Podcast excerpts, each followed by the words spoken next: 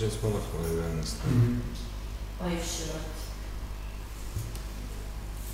გამარჯობა სამშვიდობის. სალამი. აა დღეს დღეს ჩვენი საღამოს საუბარი იქნება იმ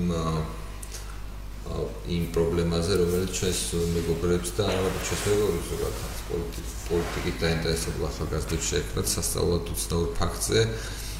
პირადი ცხოვრების კადრების გავრცელების თემას და ანის ისტორიამ ძალიან სერიოზული ყურადღება მიექცია. ძალიან ბევრი ადამიანის დაწყებული მომენტი და როდესაც უბრალოდ ჩვენ იმაზე დავდეთ მისი ტექსტი გან ანუ ფაქტობრივად ის ისტორია რომელიც ani თავის შესახებ მოგვიყვა. ხოლო მე უფრო როდესაც ეს ამბავი გავრცელდა ძალიან ბევრი ადამიანი დაინტერესდა და ჩემი აზრით მნიშვნელოვნად შეიცვალა წარმოდგენა ზოგადად ჭალებში ვიძახი ესეთი ტიპის დანაშაულზე როგორც არის ვიღაცის პირადი ცხოვრების კადრები, შემცველი კადრების გავრცელება. იმიტომ რომ ადრე მე თუ სწორად მესმის სურა ნებისმიერი რაღაცა პირადი ცხოვრების კადრების ხსენება და რაღაცა დანაშაულთან ასოცირება, ლამის ერთი და იგივე იყო, ხო? და აი ეს აი ეს სიტუაცია რაც რაც მოყვა ხელმეორე მოდი გავრცელებას კადრების სრულად გასხოვდა და განახა თავად ამ პრობლემის შინაარსს. რომ თურმე არ შეიძლება ყველაფრის ზედმეტი გამარტივება, ხო, პრიმიტივიზაცია, რომ არსებობს რაღაცა სიტუაციები, როდესაც შეიძლება სიტყვათა შეთანხმება ან კონკრეტული ადამიანის ქმედება არ მოგწონდეს, მაგრამ წარმოუდგენელი ასეთი ქმედებისთვის ადამიანებს დავაკისოთ პასუხისგებლობა და მე მგონი დღევანდელი ჩვენი საუბრის თემაც ეს არის. წარმოუდგენელი რამისთვის ადამიანისთვის პასუხისგებლობის დაკისრების რეალური ისტორია, რომელიც გადახდოთ ჩვენს მეგობრებს. და ანი არის ასეთი ისტორიის ერთ-ერთი ანუ მონაწილეს და მსხვერპლი ამ აბსურდის რაც დაემართეთ. რა შეიცვალა უთქვა ბარემ რა მაგათ იმას მიადექი. ამ სინამდვილეში როცა ეს ფაქტი მოხდა და როცა მათ ჩვენ მეგობრების დაი დააკავეს აა ჩვენ ამოჩვით სულად მარტო. ანუ იდეაში ზა საჯარო სივრცეში ერთადერთი ვიყავით ვინც ხამაღლა მივიდა იმაზე რომ ეს არის სიგიჟე და არ შეიძლება ადამიანებს ესეთი ქმედებისთვის, მიუხედავად იმისა, რომ მოგწონს თუ არ მოგწონს, სახელმწიფო ჟიდეს და მით უმეტეს უშოვდეს ციხეში 4-დან 8 წლამდე. აა და მაშინ მართლა მარტო ვიყავით, იმიტომ რომ მართლა არ არის ეს ხო ეს გუში ხო არ გაქვს წლები ეს კანონი არის. არ ჩვენ არაფერი. კი, მე იმის მამინდა რომ ისე ყველაზე ხო ვერით. რაღაცა დავარქოთ იმ ცნობადი სახეები თუ სოციალურ ქსელში რაღაც ოპინიონ მეიკერები ვინც საზოგადოებრივი აზრის ფორმირებაში რაღაცა იმას ეს ხალხი ყველა იყო მეორე მხარე სინამდვილეში ყველა მეორე მხარე იმიტომ რომ მახსოვს და პოსტები მახსოვს კომენტარები მახსოვს და ჩვენ დადებულ რაღაცებზე იმათი კომენტარები მახსოვს შემოვარდინები და აბა რა უნდა დაისაჯონ და ერთად და ეხლა რაც მოხდა ხო მოხდა ის რომ ოდესაც ამ ადამიანმა დაინახეს კონკრეტული ადამიანის ტრაგედია ხან შემთხვევაში ამის გულისხმობ და ესენი ყველანი ახლა გადამლაგებული არიან აქეთკენ ჩაოლებრივად და რაღაც ეხა იცავენ ამ პოზიციას რომ რა სიგიჟია როგორ შეიძლება და რაღაც. რა პრობლემა რო ფიქრობდი ამაზე ფიქრობდი სინამდვილეში სანდერ ეს ადამიანები ბარემ ბოლომდე გულწრფელი იყო არაფერთან განსხვავდებიან იმ სასამართლოსგან რომელსაც ჩვენ ვაკრიტიკებთ ან მათი პოზიციის ფორმირებაც ისევე ზედაპირულად აზრ დაუტანებლად ხდებოდა როგორც მოსამართლეები აკეთებენ ხოლმე ანუ აზრს არატანენ შინაარს ადებენ და უბრალოდ სადღაც უწერია ეს ესე უნდა ისჯებოდეს ესე ჯჯია და ადამიანს უშვებენ ბევრი წელი ციხეში. და სინამდვილეში ამ ადამიანებსაც იგივე განაჩენი ჰქონდათ ყველას გამოტანი მანამ სანამ არ დაინახეს კონკრეტული ადამიანის ტრაგედია. და ტრაგედია რო დაინახეს? მე უცებ ჰოპ ყველა გახდა ჰუმანური ეხლა რაც გვაქვს რეალობა და ეხლა მე არ შემხედრია ჩემ Facebook-ის კედელზე ერთი საწინააღმდეგო პოსტი და კომენტარიც კი რომ ბევრი ბევრი დაშერებული ვნახე ბევრი სხვადასხვა ფორმით ხო? აფრობოდ ეს დაგვირება მინდოდა გამაზიარებინ რომ შეიძლება შეიცვალა აზრი ხო ეს მოხდა რა. ანუ მოდი ჯეთი ნუ მესმის რომ შენთვის ძიმია მაგრამ მე მგონი უკვე ჩოლოდ მებრძოლ ხასიათზე ხარ ამ რაღაც და რაღაც აღარ ახარ ისეთი დათქმული როგორც ალბათ პირველ დღეებში გამოხდი და იყავი და შეიძლება რომ მოგიყვე. და შვიდად გავიაროთ შინაარსი იმ ქმედების რისი მონაწილე შენ აღმოჩნდი ესე იგი 30 იანვარს მეგობარმა ჩააგდო 15 კაციან ჯგუფში. ბესელიევს ვიდეო, ნუ კომენტარად ანაირად და ნუ იმ დღესვე რო განვიხილავდით მაგ თემას სამ მეგობარს გადავუგზავნე 31-ში ღამე 2-ის ნახევარზე მეძინა უკვე მაგ დროს დეჩემა გამოგვიძა და 31-ში 30 თქვი 31 იანვარს, ну, თენდებოდა 31 იანვარი. აა 6 კრიმინალური პოლიციის თანამშრომელი დამხვდა ჩემ ოთახში, როცა გავიღვიძე. ну თავიდან დედამ დედამ რომ მითხრა პოლიციიდან არის ან დედას ვამშვიდები რომ მორფზე იქნებიან იმიტომ რომ პოლიციიდან გავმაქს მორფი აღრიცხვაზე ვარ ლოგიკურად აა ბესელიას კადრებზე ვარ რომ მოსულიო რომ მითხრეს მაშინ ალბათ ასაშველად მოვიდნენ სხვანაირად შანსი არა რატომ და დამიჭირონ ან მოწმედ რატომ და წამიყვანა რომ მოგვიყვე რომ ბესელიას კადრებზე რამე რამე პროცედურა ჩატარდა შენს კომპიუტერთან შენს ტელეფონთან თუ რამ ანუ გავიგოძე თუ არა ტელეფონი ამაცალეს რომ ხელიან უმაკიდებინეს ტელეფონისთვის აა მე პაროლი მკითხეს ინტერნეტი ჩართეს და ნახეს სად მქონდა გაგზავნილი და ვისგან მომივიდა. სულ 1 საათი დაახლოებით. ეს შენ სახლში მოხდა? კი, ჩემ სახლში მოხდა. აა 1 საათი დაახლოებით საბუთებს ავსებდნენ ჩემს სახლში და ძალიან კარგად მეკცეოდნენ, არაჩვეულებრივად და ერთმა ჭიქა ყავამ რო არ გამომაფხიზლა, მეორეც დალიეო და რაღაც ტკბილად და თბილად გელაპარაკებიან სალფეთქი მომცა ერთმა დაჟე. აი, ახლა შეიყვანოს გამოკითხვაზე და ანტკბილად და ისე ვარგები, მე ვიცი ხელმოკლები და ადის და გააქანეს. როგორ იქცევიო ნანახი გვაქვს, როგორ გატყუებენ და შეგიტყუებენ და მეშევი. და ანუ მაჩვენებს ოჯახის ანუ შენი ხო სპეციფიური გლოვა რო ხო мама იყო ძალიან ავადი დღეებში. აა აუხსნეს რა ხდებოდა? ანუ გააგები, ანუ უბრალოდ ჩემმა მშობლებმა საერთოდ მიხდნენ რაზე დაგიჭირეს? აა ბესელიას კადრებზე წინა დღეს დედა ჩემო მკითხა რაღაცა და ნუ იცოდა რომ ტელეფონში მქონდა. მამა ჩემთან არ მილაპარაკია მაგაზე, მაგრამ მე თვითონ აუხსენ რომ ბესელიას კადრებზე არიან მოსულები და არავინ არ მიჭერს, მამ მოწმეთ წამიყვანენ თუ წამიყვანენ და არაფერი ისეთი. მე 6-ვეს დაუძახა мама ჩემმა, ცალცალკე სათაოდ დააყენა და სად მიყავთ ჩემი ბავშვი და სათითაოდ 6-ვე უხსნი და რომ მე მოწმე ვარ ვეხმარები მეგობარი ვარ გამოძიების პროკურატურაში. მიყავს და 2 საათში დაგიბრუნებ თქვენ შულს და ნუ ესე წამიყვანეს და სანამ წავიდოდი დედა ჩემმა მიაძახა რომ მალე მოიყვანეთო იმიტომ რომ ერთადერთიაო ვინც უვლის როცა სახში არ ვარო და ნუ წავედით პროკურატურაში. პროკურატურაში დაახლოებით 1 საათი დაჭირდა ჩვენების მიცემას. და კი კი. აა ოღონდ სხვასთან გამომძიებელთან პაპუნა ციმენტიასთან ვაძლევდი უკვე ამ ჩვენებას და აა 1 საათის მერე უბრალოდ ესე უმოქმედოდ ვიჯექით და ველოდებოდი როდისთან რაღაცა პროკურორი რა სიტყვა და რომ სახლში წავსულიყავი და კრიპოლის თანამშრომლები ვინც დარჩნენ და ეს პაპუნა ცემენტიაც ერთი და იგივეს მეუბნება რომ აი ნახევარ საათში გაგიშვებ და აი 1 საათიც დამორჩა და დაჟე კრიპოლის თვითონ ეს ჩანაწერები რაც ჩემი თვითონ იცოდნენ რა იყო საუბარი? არა, ზუსტად ვიცი რომ არ იცოდნენ, იმიტომ რომ თვითონ მეკითხებოდნენ რანაირი ვიდეო იყო. აა ნანახი რა ქონდა? არა, ზუსტად ვიცი რომ ნანახი არც ერთს არ ქონდა, ნუ რამდენ ზუსტად მივხვდი რომ ნანახი არც ერთს არ ქონდა, რამდენ მომატყუეს არ ვიცი, შვიდმა კაცმა ერთად. არა. ან რამდენჯერმე ვკითხე? ეგ რამდენჯერმე ვკითხე? სხვათა შორის რომ მე საიდან და Facebook-ზე დაძრებით ჩემთან და ესე შემომიტრიალ მანქანაში ვკითხე ეგ და ესე შემომიტრიალდა და თქვი შენ რაში უნდა გჭირდებოდეო? რატო შემოვძრებოდითო შენ Facebook-ზეო და ნუ არ ვიცი. წარმოდგენა არ მაქვს საიდან მომაგნეს მე. ან ნუ ზუსტად ვიცი ვისაც გადავუგზავნე და ვინც გამომიგზავნა იმას ჩემიდან მიაგნეს, მაგრამ მე ხო პირველი ვიყავი, ანუ ჩემს მერე დაიჭირეს დანარჩენები. აა ან ჩვენ ჩვენი ასე მეგობრები ჯგუფი და პირველ პირველი მოვიდნენ. კი. აა შემდეგ 6 5 6-ის წუთები იყო დაახლოებით. აა გაამძიებელმა მითხრა, ცუდი ამბავი მაქვსო, აა შენთვისო იზოლატორში უნდა გადაგიყვანო სიცილის და რაღაცეების, მაგრამ ვერ დამიჭერთ, შანსი არა, მე დამიჭიროთ და ну кай თუ მიჭერთ, მაშინ мама ჩემს უთხარით, რომ ბათუმში ვარ გამოძიებაზე, იმიტომ რომ ერთ-ერთი ჩემი მეგობარი ბათუმელია, რომელიც რომელზეც ჩვენებაშიც ვილაპარაკე და აი მაგასთან მივდივართ ბათუმში, რომ რაღაც დავამტკიცოთ და ძალიან გთხოვთ ეგუთხარი და მაგის მოფიქრებაში კრიმპოლის თანამშრომელი დამეხმარა. რომ აი ესე ვუთხრათო დედა შენსო, რომ мама შენს უთხრას, იმიტომ რომ მეოთხე სტადიის სიმსივნე ქონდა мама ჩემს და ნებისმიერ ნერვიულობაზე.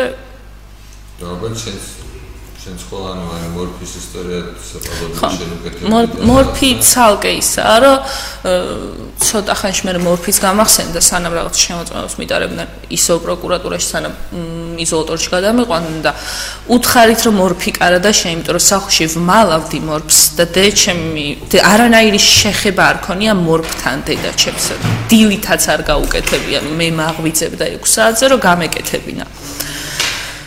აა ბოლოს როგორც გაირკვა, აი რუსთავიდან რომ გამომიყვანეს არც ერთი უთქვამთ, არც მეორე და ეჩემ რა ერთი ერთი დღე იწვალა რაღაცები, გამაყუჩებლები უკეთა, რომელიც რომელზეც არანაირი რეაქცია არ აქვს, მამაჩემს იმუნიტეტი აქვს უკვე იმ ყველა სხვა გამაყუჩებლებზე, მორფიც არ უყუჩებდა იდეაში.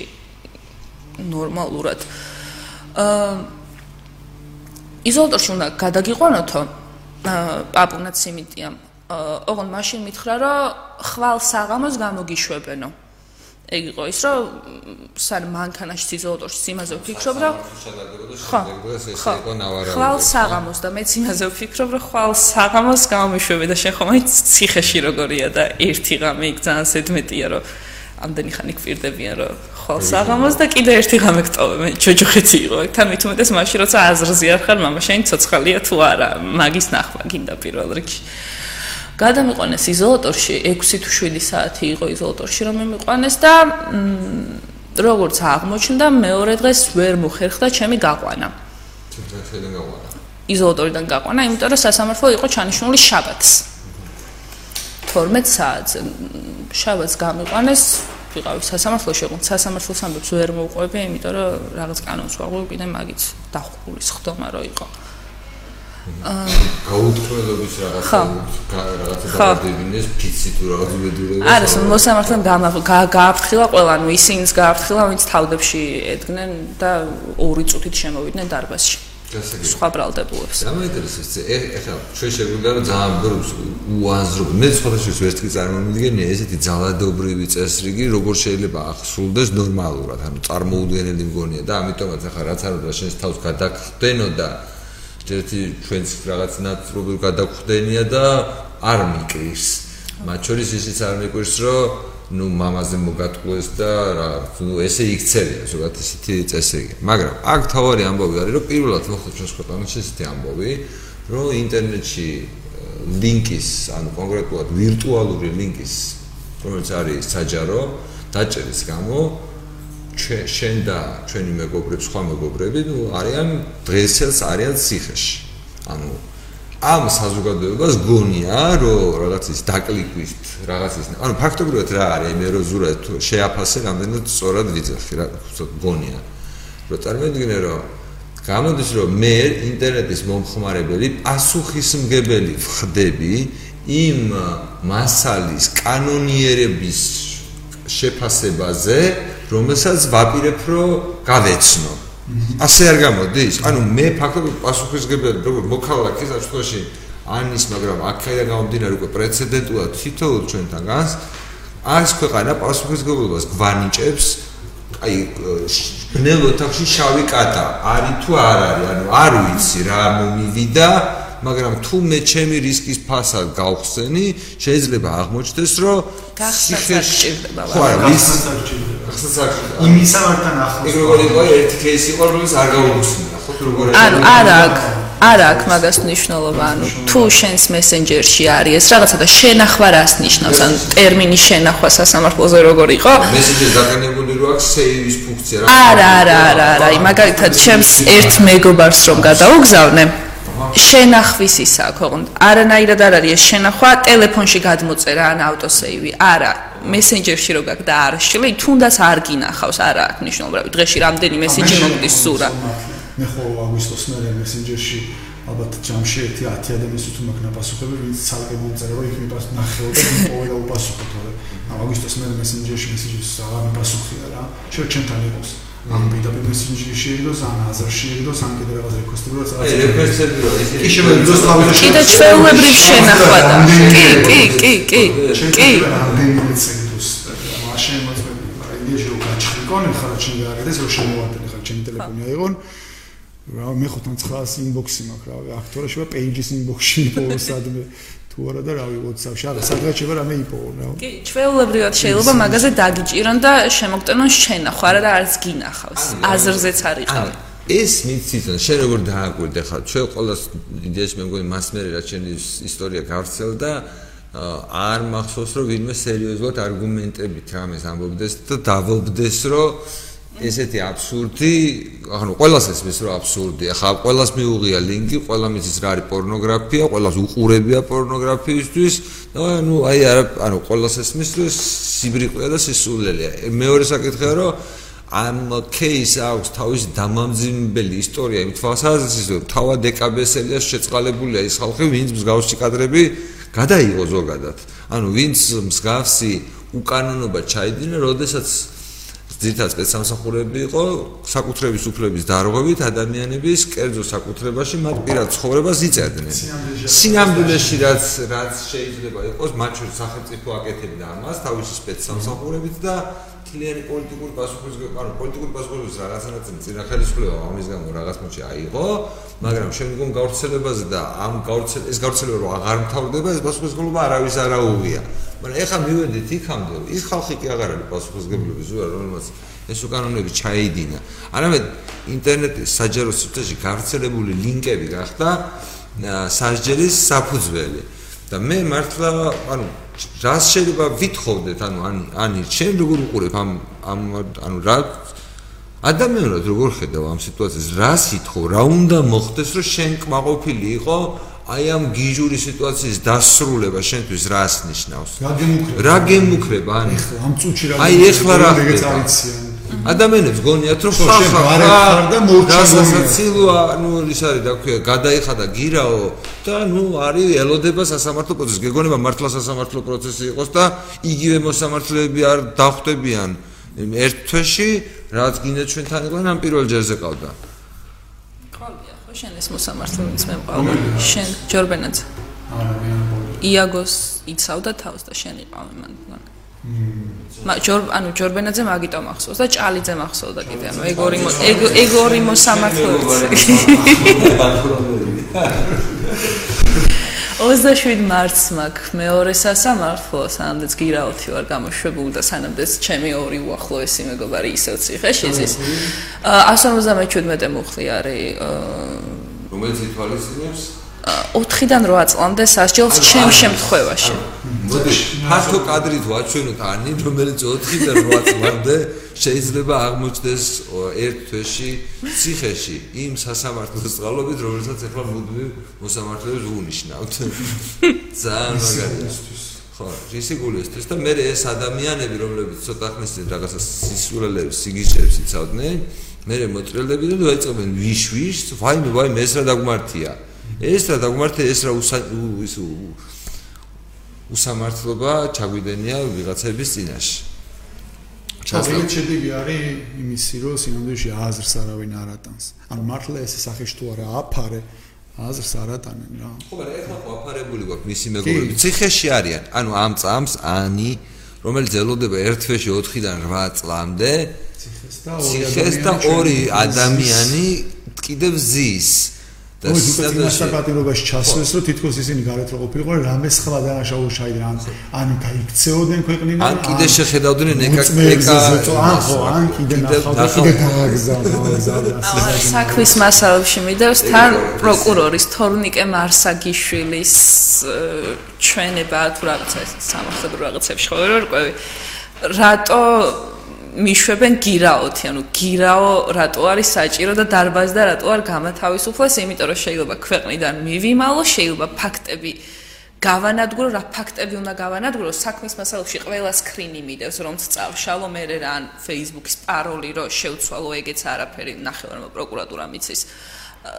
რა სისულელე ის მიწერია იქ, რომ რატო უნდა იყოს 1000 ლარიანი გირაო?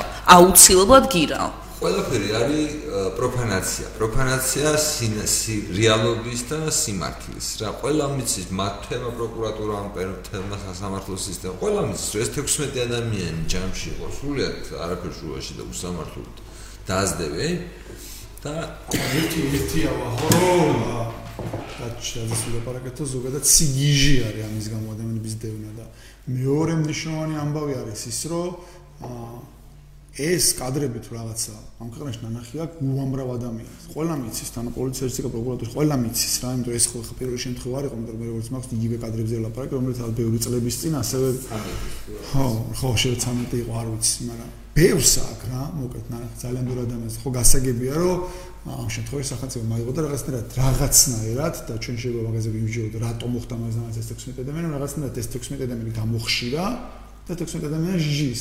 მას შეიძლება ყველა მისო შეიძლება რავი, შეიძლება 10.000 და შეიძლება 100.000 ადამიანს კონდეს. ნახე, ეს კიდე ცალკე სიგიჟია. და მესამე სიგიჟი არის ის, რომ რავი, ამ ქვეყანაში მართლა უამრავი ისეთი დავი დანაშაულები და ისინი არსებობს და როგორ შეიძლება იყოს ამის გამო ადამიანებს იმაშებოდე. ხო, ჩემს ამოხსნელი ამბავია, მაგრამ მანდაც გონია პრობლემა, პრობლემა მაგაში გვაქვს. რო წეღარას თქვი რა როგორც აი ეს მოსამართლეები აზრს არატანენ და შინაარს არდებენ და ამ ფეხზე კიდე და იღებენ ეგეთ გადაწყვეტილებას ესეს უცოტა ხნის წინ სანამ ამის ამი იმას დაწერდა თავის ბლოგს საზოგადოების დიდი ნაწილი რომელსაც ვითომ ჭკუა მოეკითხება ამ ქვეყანაში რომლებიც რაღაც საზოგადოების აზრის ფორმირებაზე მოქმედებენ თუ რაღაცა ყველა იქით იყვნენ სინამდვილეში. ზუსტად ისე აზრს დაუტანებად იძახდნენ რომ კიო ეს ხალხი დასაჯდელი არის. სახელები და გვარები თვითი ხო და რა ეშოლება სურა შენი ასრით ანუ რა ეშოლება როგორ აი რეალურად ჩვენ რა უნდა გავაკეთოთ ადამიანებმა რომელსაც ნუ დღეს იმილად ცოტანი ვართ რომ პირდაპირ არ შეგვწევს ძალა რომ დავიძახოთ რომ ეს ქვეყანა რაღაცა საგიჟეც დაემსგავსა მე ვარ ჩვენი ამ ადამიანებს რა გუშოთ ისინი ციხეში ზიან ან იქ მაინც აქ მაინც გვიზის და ისინი რომ ციხეში ზიან და კიდე რომ ერთი დღეს გავა და ამ ერთი დღის განმავლობაში რომ ისეთივე სასამართლო არ უნდა შედგეს, რაც შედგა ანის შემთხვევაში. ანუ ეს არის ამოცანა ჩემი წარმოდგენით, არა მარტო ჩვენი, არამედ ნებისმიერი ნორმალური ადამიანის, რომელიც საერთოდ საერთ ანუ რომელიც რომელსაც საერთოდ რისკის განცდა შეუძლია და აღქმა შეუძლია, რომ ეს არ არის ანის რისკი, ეს არ არის მისი ორი მეგობრის რისკი, არამედ ყველა ჩვენთაგანის რისკი, იმიტომ რომ ყველა ჩვენთაგანი ყოველდღე ათასობით ლინკს ვაკლიკავთ. ეგ უნდა ეგ უნდა გავაგებინოთ. ეს რო ეს რანაირად გავაგებინოთ ადამიანებს, რომ ეს არ ეხება არც მორალს, რომელიც თქვა რომელიღაც პოლიტიკოსის თქვა რაღაც საქმეზეა ვითომ აღწრული, არამედ მაგალითად რაზეც ჩვენ ვაკეთებდით თავარ აქცენტს რომ ადამიანის ხეული მისია რასაც უნდა იმას უზავს ხო? იმის შემთხვევაში და ამას ვამტკიცებდით წარმოიდგინე. და იმის გამო რომ ამის არ ჯეროდა საზოგადოებას ამის აი ესეთი ელემენტალური რამის არ ჯეროდა ამის გამო 10000ობით ალბათ 100000ობით ადამიანს უდებდნენ ნარკოტიკებს. წლების განმავლობაში ამისთვის იყო გამოყენებული. და რაღაცა ნარკოტიკების ჩადების და ნუ ზოგადად იარაღის და ნარკოტიკების ჩადების პრაქტიკის რაღაცა შემცირება დაკომპენსირდება ახლა ლინკების ჩადებით თუ ეს ხო ეს ხო იმდენად ბოლოა რომ კარგი ნუ ნარკოტიკი და იარაღი უკვე შეჩვეული იყო რაღაც 10 წლეულების განმავლობაში ამის ჩადება. უბრალოდ 21 საუკუნეში ლინკის ჩადება არ გავა. ძალიან სასაცილო მგონია. არ მჯერა რომ ეს ეს ანუ ეს გონია რომ რა ვიცი შემთხვევით მოუვიდათ. ხვდები რომ კანონში როდესღაც რომ ჩაწერეს ფორმალურად ეხლა წაიკითხა ვიღაცა ჩინოვნიკმა და თქვა მოდი შეგვიძლია კანონის თანახმად ამ ადამიანებს ჭკუა ვასწავლოთ. მაგრამ პირველი მცდელობა იყო ამ კანონის გამოყენების და არ მგონია რომ გააზრებული ქონოდათ რა რეაქცია შეიძლებოდა გამოეწვია თუ ადამიანი მართლა გაიაზრებს რა გააკეთეს. რეალურად მართლა გაიაზრებს და მე ამას განაზოგადებს რომ თუ ეს გახდა ზოგადი ქცევის წესი თითოეული ჩვენთაგანი ჩვეულებრივად საჭიროებს ადვოკატთან ერთად ჯდომას და ისე მუშაობას ინტერნეტში.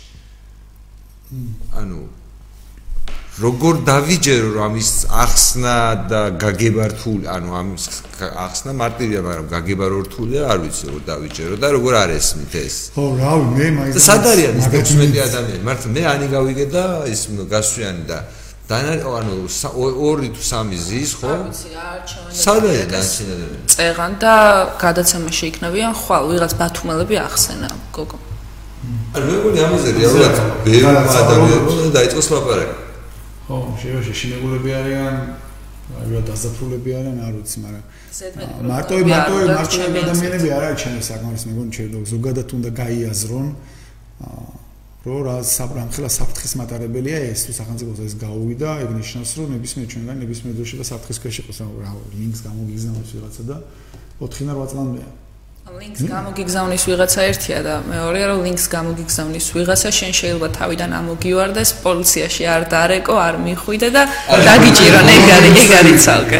ეხლა ხო სინამდვილეში მე იმ ნაწილში გეთახები რომ ეხლა ამათ უნდათ რაღაცა ტიპის რეაგირება მათ შორის შეიძლება სანდო იყოს და დამაჯერებელი იყოს ის ვერსიაც რომ რაღაც თვითონ ამ კადრების გაუცელება შეიძლება რაღაცა იუმერაც ფლანგიდან მოხდა არ ვიცი და ცხელის რომ გადაწყვიტა რომ და ეჩვენებინა ამ ჟესტით თუ ჩვენ არაფერ შუაში არა ვარ შეიძლება მათი გაუცელებული არ იყოს მაგრამ რომ ეჩვენებინათ რომ ჩვენ არაფერ შუაში არა ვარ ამიტომ ვიღაცებს დავიჭერთ და შეიძლება მართლა ესე დაიწყო და ესე მოახდინეს რეაგირება მაგრამ ბოლომდე გუწფელი თუ იქნები მოხდა ისე რომ სავარაუდოდ ისინი აჯდნენ რაღაცნაირად მეტნაკლებად პოლიტიკურად აქტიურ ტიპებს და სავარაუდოდ გიჩის ჯგუფებს აჯდნენ და უყურებდნენ ან რაღაც ეგეთე მაგიტომაც მოხდა რომ გიჩის აქტივისტები რამდენიმე მოხდნენ ამ იმაში მაგრამ რო წარმოვიდნენ რომ დაფიქტივა ხო რომ ეს ესე არ ყოფილიყო და პროსტა ვიღაცა ფიქსოდი ტიპი დაეჭირათ ჩვენ ამდენ არ მოსულიყო ისე ინფორმაცია როგორც ახლა მოვიდა რომ გავიგეთო ჯერ ერთზე გავიგეთო აკავეს მე მეორე გავიგეთო მე მესამე და რაღაცა შოკი ქონდა რომ რანერად იჭერენ და რაღაცა და ამაზე მოყვა ის მაგრამ წამი რომ ვაფშე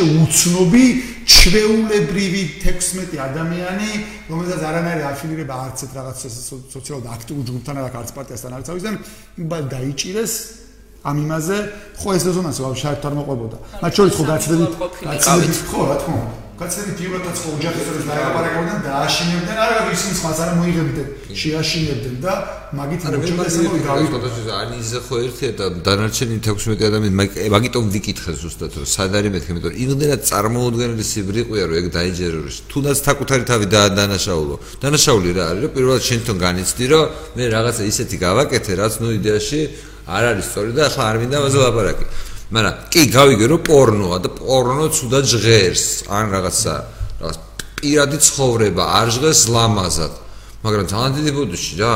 ანუ ეს პირადი ცხოვრება თვალისგან ანუ როგორც სიტყვის თავისუფლებაა რა თვალისგან რომელიც უკვე საჯარო სივრცეში დევს ანუ მისი ანუ მისი ახლიდან ნახვა არის მისი აკუთვნილება უბრალოდ არა ადმინისტრირებადი ამბავია. წარმოიდგინე, რამდენი რამე დევს ინკრიმინირებად სისულელე. რამდენი რამე დევს ინტერნეტში ისეთი, რომლის წყარო ან მოპოვებული არის არაკანონიერად. აი წარმოიდგინე WikiLeaks-ის მაგალითი ხო ფანტასტიკური მაგალითი ამისი, რომ მაგაზე უფრო არაკანონიერად მოპოვებული რა შეიძლება და ყოფილიყო, რომელიც ნახა მთელმა სამყარო, მაგრამ უბრალოდ არც ერთი ადამიანის თავში არ დაბადებულა აზრი რომ რომელიმე WikiLeaks-ის მომხმარ, ანუ WikiLeaks-ის მომხმარებელი წამკითხველი დაეჭირა, ანუ თელ სამყაროში 8 მილიარდ კაცთან ერთს არ დაებადა მარტო ქართულ სახელმწიფოში. მოგვივიდა აზრად ეს. 4-დან 8 წლამდე, ანუ ჯერ ვინც იქ ჩაწერა, საერთოდ სარნახავია ვინ, ანუ შეკი არ გიყვარს პერსონალური პასუხისგებლობების დაწესება, მაგრამ მე მაინტერესებს ვინ მოიგონა ე კანონი, რომელი საერთაშორისო ორგანიზაციის რეკომენდაციით მივიღე, ვინ არის ვინ არის მისი თანაავტორი თუ ავტორი. ანუ ამ ხალხმა რომ რაღაცნაირად მაგიტო გჭირდება ჩვენ ნიუს აგენტო ამ ხალხს მივიდეთ და ამბავი ვკითხოთ. ანუ ეს ამბავი როგორ მოხდა ჩვენს ქვეყანაში? როგორ შეიძლება 4-დან 8 წლამდე ისეთი რაღაც ისეთ რამეზე ვითვალისწინებთ, რომელიც დანაშაული ფიზიკურად სასაცილოა, ვინმე გამოაცხადოს, დანაშაულად გამოცხადება, ეს სასაცილოა. ხო და რა ვიცი, მე მგონია რომ რაღაცნაირად თუ ჩვენ უნდა დავიწყოთ მომზადება იმისთვის, რომ თუ ეს სასამართლო საერთოდ შედგა და მანამდე ეს ხალხი არ გამოუშვეს, ჩვენ გავიდეთ ქუჩაში.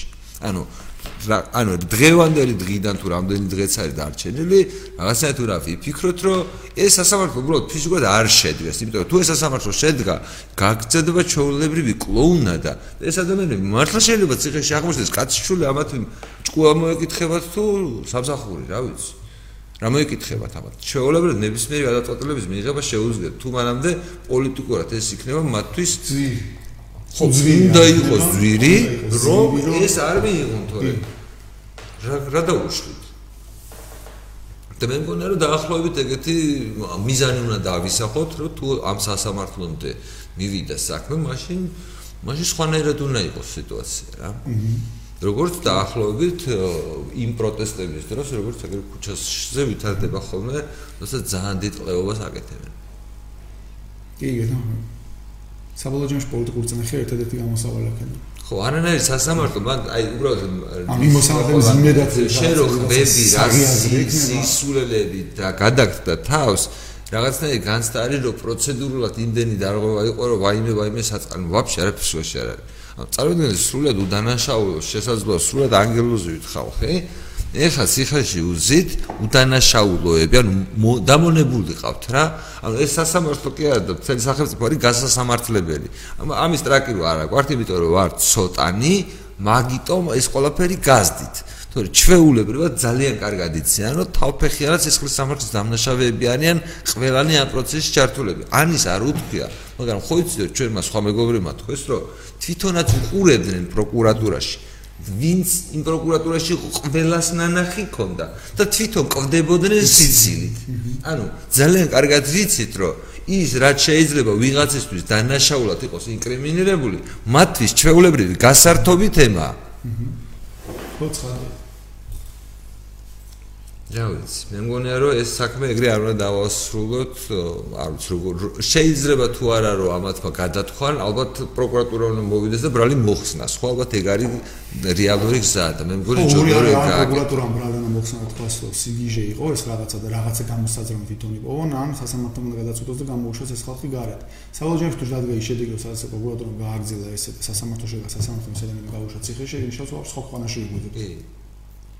მე შეფასებს მაშინ ჩვენ რო დაგვიწეს მაშინ მეგონა რომ ან და მე ჩვენ რო დაგვიწეს და მე ეს 12 მაისის ამბები რო იყო მაშინ მეგონა რომ სხვა ქვეყანაში გავუძეს თუმცა მაშინ შეიძლება ცოტათი შემეშალა მაგრამ მიმართულება არ შემშლია მაშინ მიმტკიცებდით რომ აი ახლა შენ შეთქმულებების თეორიების ლუჯერა მაგრამ რეალურად მიმართულება ძალიანაც იქიდან იყო იმ მომენტიდან აღებული.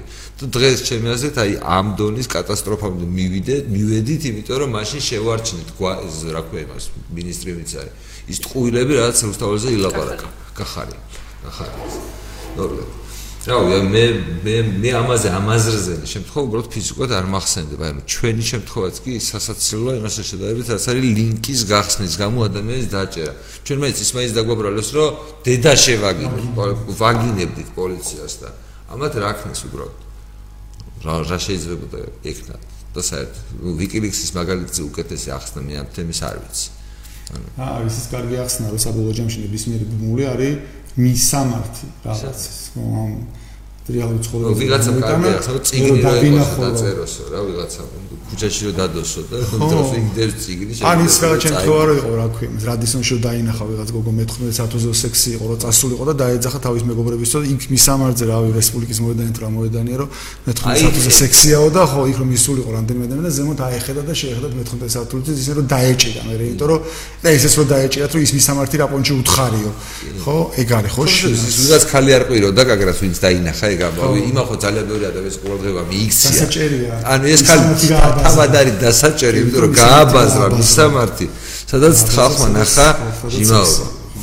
ო რაღაც ეგეთი. ხო, დაახლოებით. რა ვიცი, მე მე ამ თემაზე მეტი არაფერი არ მაქვს ანის, ალბათ. შენ თუ გაქვს რაიმე სათქმელი დამატებით, რაც რა ვიცი, ვინმეს დაეხმარება უკეთესად გარკვევაში თქვენი სიტუაციის ხო აზურა. აა მე მგონი რაღაც ერთადერთად მოსაფიქრებელი საბოლოოში. ყველას მოსაფიქრებელი როგორ შეიძლება ამ ადამიანების დახსნა საბოლოოდ რომ სასამართლო არ შედგეს. ხო, რაღაც ეგეთი ვარ მოსაფიქრებელი. ეს თხოვოთ მოდიოთ ვინც უყურებს თუ დაგვეხმარება ამ ამ საქმეში ცუდი არ იქნება. რაც უფრო მეტი ვიქნებით, მეტ მეტი შანსია რომ ნაკლები სიგიჟე ჩაიდინოს სისტემამ. იმიტომ რომ სისტემა რაღაც მომენტში ძალაზე რეაგირებს. როგორც ჩვენ არ დაგვიჭირეს დათესვის 8-დან 12 წლამდე შეიძლება აინც გადაჭეს 4-დან 8 წლამდე თუ ჩვენ მოვიფიქრეთ. მოვიფიქრეთ ამას. კაი ბატონო. მაშინ მე მგონი დღეს გვყვა. მადლობა.